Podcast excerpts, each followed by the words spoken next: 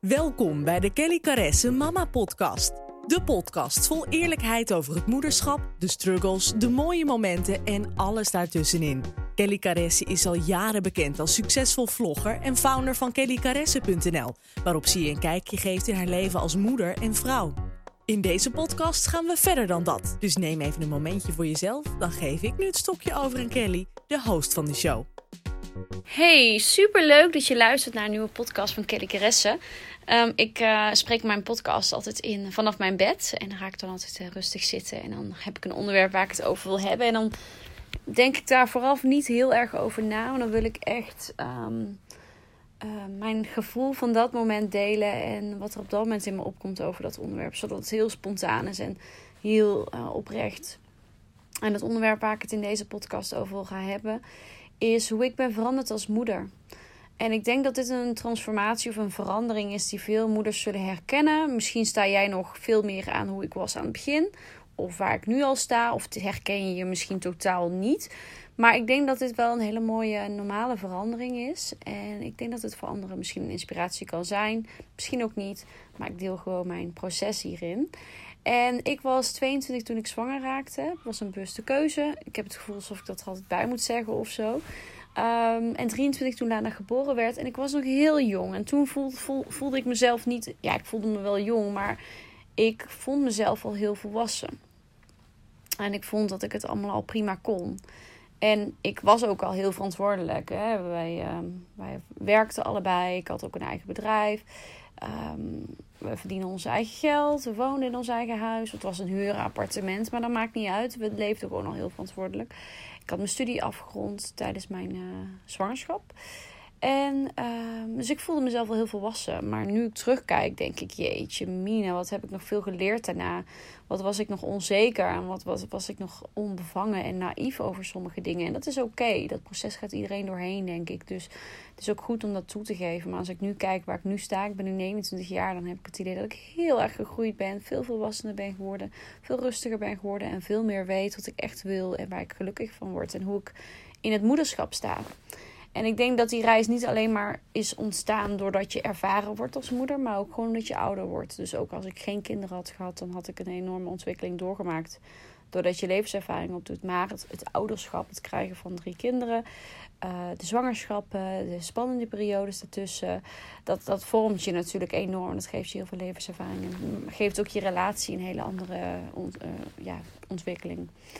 En toen ik dus net moeder was, was ik dus nog best wel onzeker. En ik denk dat dat ook wel heel normaal is in het. Dus ik wist totaal eigenlijk niet wat me overkwam. Ik, ik had echt wel ervaring met kinderen en baby's. Ik heb veel uh, opgepast. Ik heb uh, sociaal-pedagogische hulpverlening gestudeerd. Veel met kinderen gewerkt. Baby's op de kinderafdeling. Uh, neonatologie eventjes meegelopen. Dus ik heb al heel veel gezien. Maar zelfmoeder worden is dan ineens zoiets spannends. En zo anders als andermans kinderen.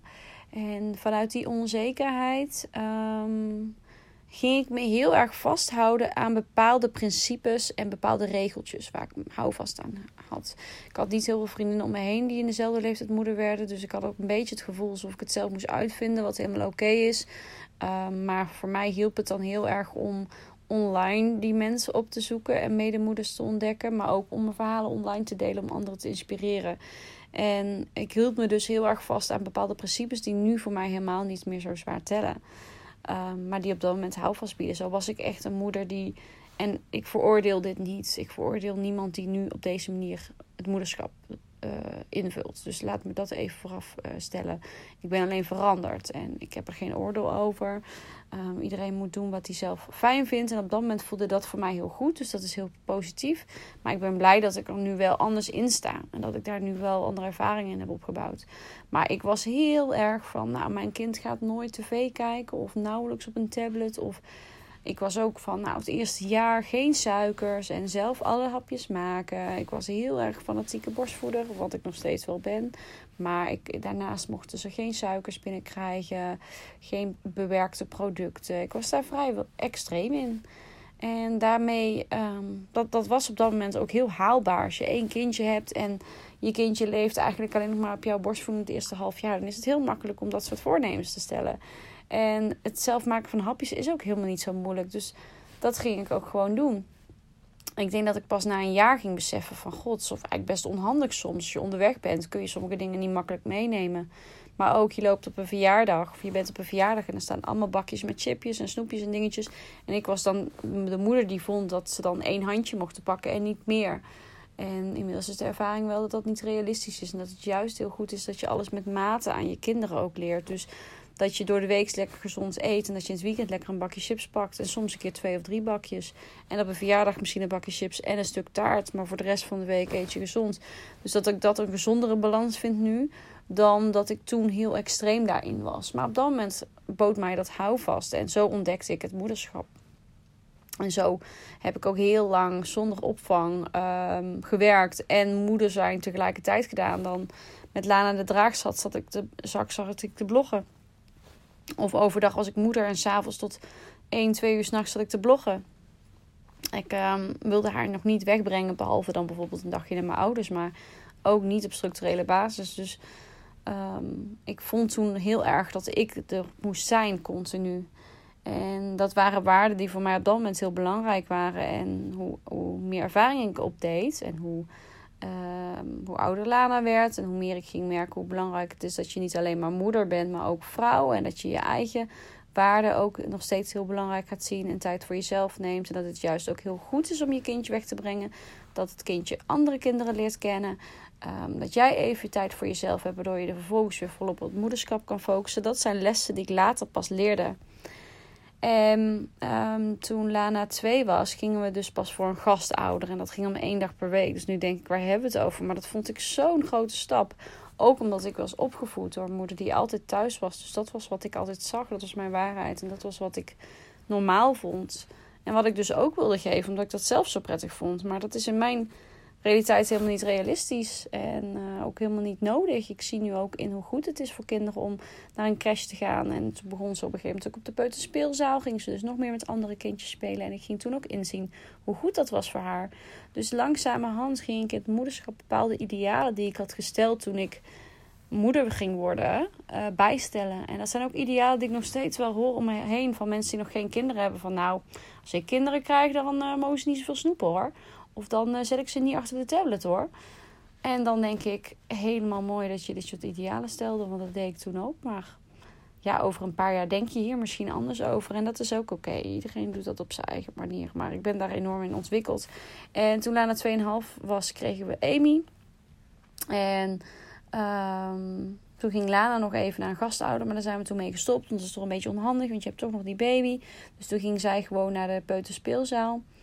En um, met Amy kon ik al meer loslaten. Dus natuurlijk ehm, maakte dus ik gaf inderdaad borstvoeding. En natuurlijk maakte ik zelf hapjes. Maar er kwam ook af en toe een potje te pas. En op een gegeven moment ook wel eens een keer een makkelijke koek. Of een tussendoortje wat gewoon kant-en-klaar is. Lekker makkelijk, lekker prima. Maar maakt het uit. Dus ik ging veel relaxer erin staan. Um, en ik merkte gewoon ook met verjaardagen. Ik, ik kon gewoon bepaalde idealen die ik daarvoor had gewoon loslaten. En ik vind nog steeds heel belangrijk dat kinderen, in mijn visie als moeder of binnen onze opvoeding, vinden wij het nog steeds heel belangrijk om een gezond voorbeeld te geven. Um, dus daar doen wij nog steeds bepaalde idealen van uitvoeren. Zo hebben wij bijvoorbeeld als regel, wat sommige mensen echt idioot vinden, maar het maakt mij niet uit, uh, dat we door de week water drinken op de kinderen. En zelf drinken eigenlijk ook de hele dag water en thee. En, en dan in het weekend mogen ze een keer een glaasje ranja. En in het weekend drinken wij wel eens een wijntje.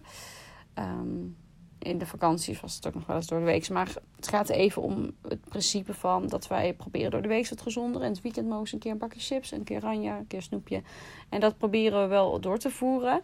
Maar in de zomervakantie is dat heel anders. Dan leef je zelf ook veel vaker met gewoon een barbecue met dit en een barbecue met dat. Een ijsje bij. En dan, dan geef je ook meer. Maar nu zijn we weer back to school en houden we ons daar weer aan. Dus het is niet zo dat wij nu uh, ineens een hele andere weg zijn ingeslagen. Maar bepaalde principes die toen echt enorm streng waren, heb ik leren loslaten. En daar hebben we nu een balans in gevonden die voor ons werkt.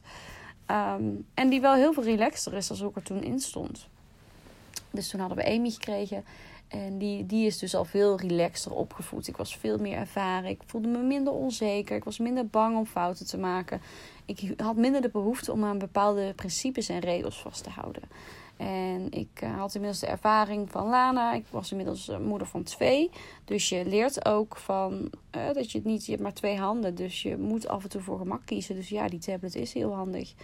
En bovendien, we leven in een tijdperk waarin we allemaal heel mobiel en online zijn. Dus waarom zouden onze kinderen dat niet langzamerhand juist ook leren? Omdat ze dat ook op school gaan krijgen. Dus ik ben veel relaxter geworden.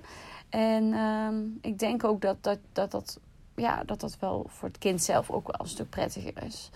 En um, nou ja, ik werd nog relaxter, want um, vervolgens kregen onze derde. En nou ja, ik zeg wel eens van nou die derde die wordt net die verwaarloosd. Maar dat is een grapje natuurlijk. Ik ben nu zoveel, veel, zoveel meer ervaren, zoveel meer relaxed. Ik probeer echt vanuit mijn intuïtie te kiezen wat ik doe en wat ik wil en wat ik voor de kinderen uh, belangrijk vind. En daarin maken wij onze keuzes. En um, ja, op, basis daarvan voeden wij ze op. En dat zijn, er zijn nog steeds bepaalde principes. Natuurlijk, je hebt gewoon bepaalde opvoedingsregels. En um, natuurlijk hebben wij regels rondom schermtijd. Bijvoorbeeld in de ochtend als ik Feline ga voeden. En dat was toen ook toen ik Amy ging voeden. Toen Amy nog een baby was. Mocht Lana, in dit geval nu ook Amy, even op de tablet. Zodat ik even de baby kon voeden. Die baby is inmiddels bijna twee, maar dat maakt niet uit. Dat zijn wel de momenten dat ik even de aandacht heb voor de jongste. Zodat hun ook even hun tabletmomentje hebben. Maar eigenlijk de rest van de dag pakken ze die tablet niet. En heb ik die ook op onze slaapkamers slaapkamer liggen. Dus die, die, die pakken ze niet. En daarna gaan ze knutselen en spelen. En ja, ik zet ze ook wel eens achter de tv als ik even wil koken. Maar die tijd is toch wel heel beperkt. Maar wanneer we dus inderdaad op vakantie zijn, vakantie gaan en we zitten acht, negen uur in de auto, dan, ja, dan zitten ze bijna de hele dag filmpjes te kijken. Maar dat is dan ook iets speciaals. Daar kijken ze dan naar uit. Dat maakt die rit heel speciaal. En daarmee maakt het, brengt het dat ook weer in balans. Um, dus die principes waar ik zo enorm aan vasthield, die, die zijn losser geworden. En die zijn nu op zo'n manier ingevuld dat ik denk dat het voor ons en voor de kinderen prettig is. En tuurlijk, als, ik, als ze op de tablet hebben gezeten en ik wil ze eraf halen, want we gaan naar school of we gaan eten of wat dan ook. Ja, dan, dan is er even tegenstrubbeling. Dan komt er weerstand. Dan is het even huilen en nee. Of wanneer de tablet leeg is bijvoorbeeld, weet je wel, dan is het even huilen. Maar dat hoort erbij. Dat is, ook, dat is ook het moment van ouders om op dat moment grenzen aan te geven. Dus ik, dat is op zich niks negatiefs. Ik denk dat heel veel ouders dat wel herkennen.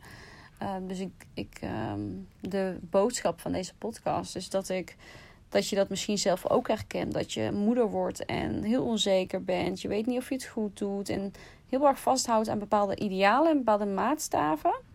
En dat gaandeweg het ouderschap, of je nou bij één kindje laat of meerdere kinderen krijgt, je makkelijker wordt. En steeds meer aanvoelt van oké, dus dit voelt goed. Je experimenteert met bepaalde principes of bepaalde opvoedingsmanieren. Uiteindelijk kom je tot een oplossing die werkt. En soms werkt die niet. Ik heb, ik heb fantastisch lieve kinderen, maar ja, ze maken wel veel ruzie. Uh, ik weet dan af en toe echt niet wat ik moet doen. En soms dan, dan ben ik echt wel een, kop in het zand moeder. Dat ik denk, ik laat ze even. Ik heb het even niet gezien. Want soms is de strijd die je aangaat op dat moment pittiger. Um, en krijgt meer nadruk op het verkeerde gedrag, om het even zo te zeggen, dan wanneer je het wel gaat aanpakken en heel consequent gaat zijn. Dus dat is een, dat is een soort van tweestrijd die ik altijd heb. Ga ik nu heel consequent zijn of ga ik uh, de nadruk er juist minder op leggen en ze afleiden van het moment? Dus dat blijft voor mij ook lastig. Maar dat is een reis die het ouderschap heet. En uh, een hele mooie reis is. En ik ben heel benieuwd als je dit luistert. Um, waar jij zelf staat in, die, in dat proces. En uh, of jij zelf al veranderd bent. Of dat je juist uh, je continu aan de principes van het begin hebt gehouden. Omdat dat gewoon voor jullie werkt. Um, ja, dat is voor iedereen anders. Wij hebben bijvoorbeeld kinderen die... We hebben een paar strenge regels in onze opvoeding. Uh, er zijn een paar dingen, een paar waarden die heel belangrijk zijn voor ons. En dat is eten en slapen. Goed eten, uh, bordjes leeg eten of in ieder geval een bepaalde hoeveelheid ervan. En op tijd naar bed. En daar een ritme in. En voor de rest ben ik echt wel een hele makkelijke moeder. En wil ze een keer in een rok naar school. Dat ik denk, oeh, die vind ik echt helemaal niet meer mooi. Maar vooruit dan maar. Dan, dan is het prima. En zo zijn er meerdere dingen waarbij ik het gewoon door de vingers zie. Dat ik denk, nou ja, hè. Maar eten en slapen heeft ons gewoon een hoog vaandel. Dus om zeven uur s'avonds gaan ze bijvoorbeeld bij ons naar bed. En dan ligt iedereen erin, alle drie. En, daardoor en ze slapen binnen no time en ze slapen door. En dat werkt voor ons. Dat hoeft voor jou niet te werken, maar voor ons werkt dat. En uh, wat betreft eten, um, ja, hebben wij dus inderdaad als regels door de week water, door de week geen snoep en geen chips. Behalve wanneer we een feestje hebben, dan kan het wel als uitzondering. En in het weekend mogen ze dan een keer een bakje chips of wat, een zakje snoep.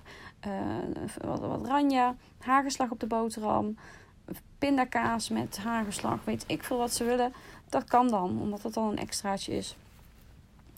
Dus dat zijn wel ehm, dingen. En, en wat betreft het eten, ja, ontbijt eten ze goed. Alleen de korstjes zijn vaak een drama. Dus daar moeten we soms een beetje op hameren. En als we haast hebben, ja, dan liggen er nog steeds korstjes op tafel. Dan gaan we maar gewoon. Dan hebben ze wel wat gegeten. Middag zelf eten ze eigenlijk altijd wel goed. In de avond is het, is het vaak zo dat het goed gaat. En, en hebben ze allerlei, allemaal hun fases gehad waarin ze bijna niet wilden eten. Maar we, hebben vaak als regel op het moment dat ik merk dat hè, ze moeten gewoon in principe hun bord leeg eten.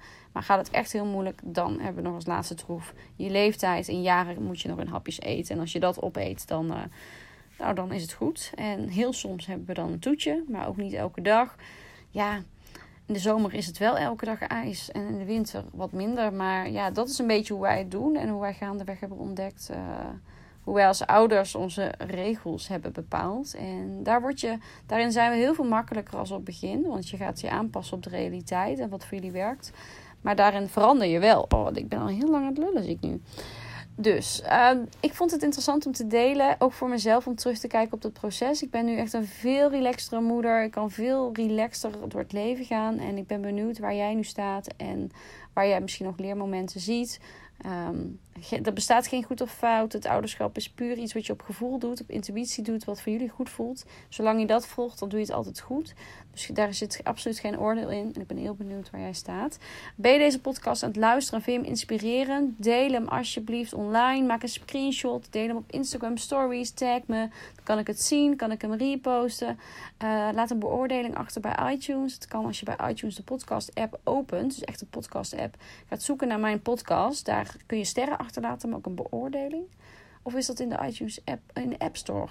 In de iTunes app geloof ik. Oké, dat moet ik zelf even uitzoeken, maar dat kan.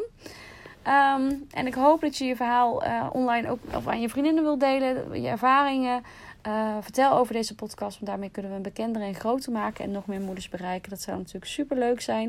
Ik wil je heel erg bedanken voor het luisteren en ik hoor je, of ik hoor jou, jij hoort mij, hopelijk. Ben je de volgende week weer bij. Doei!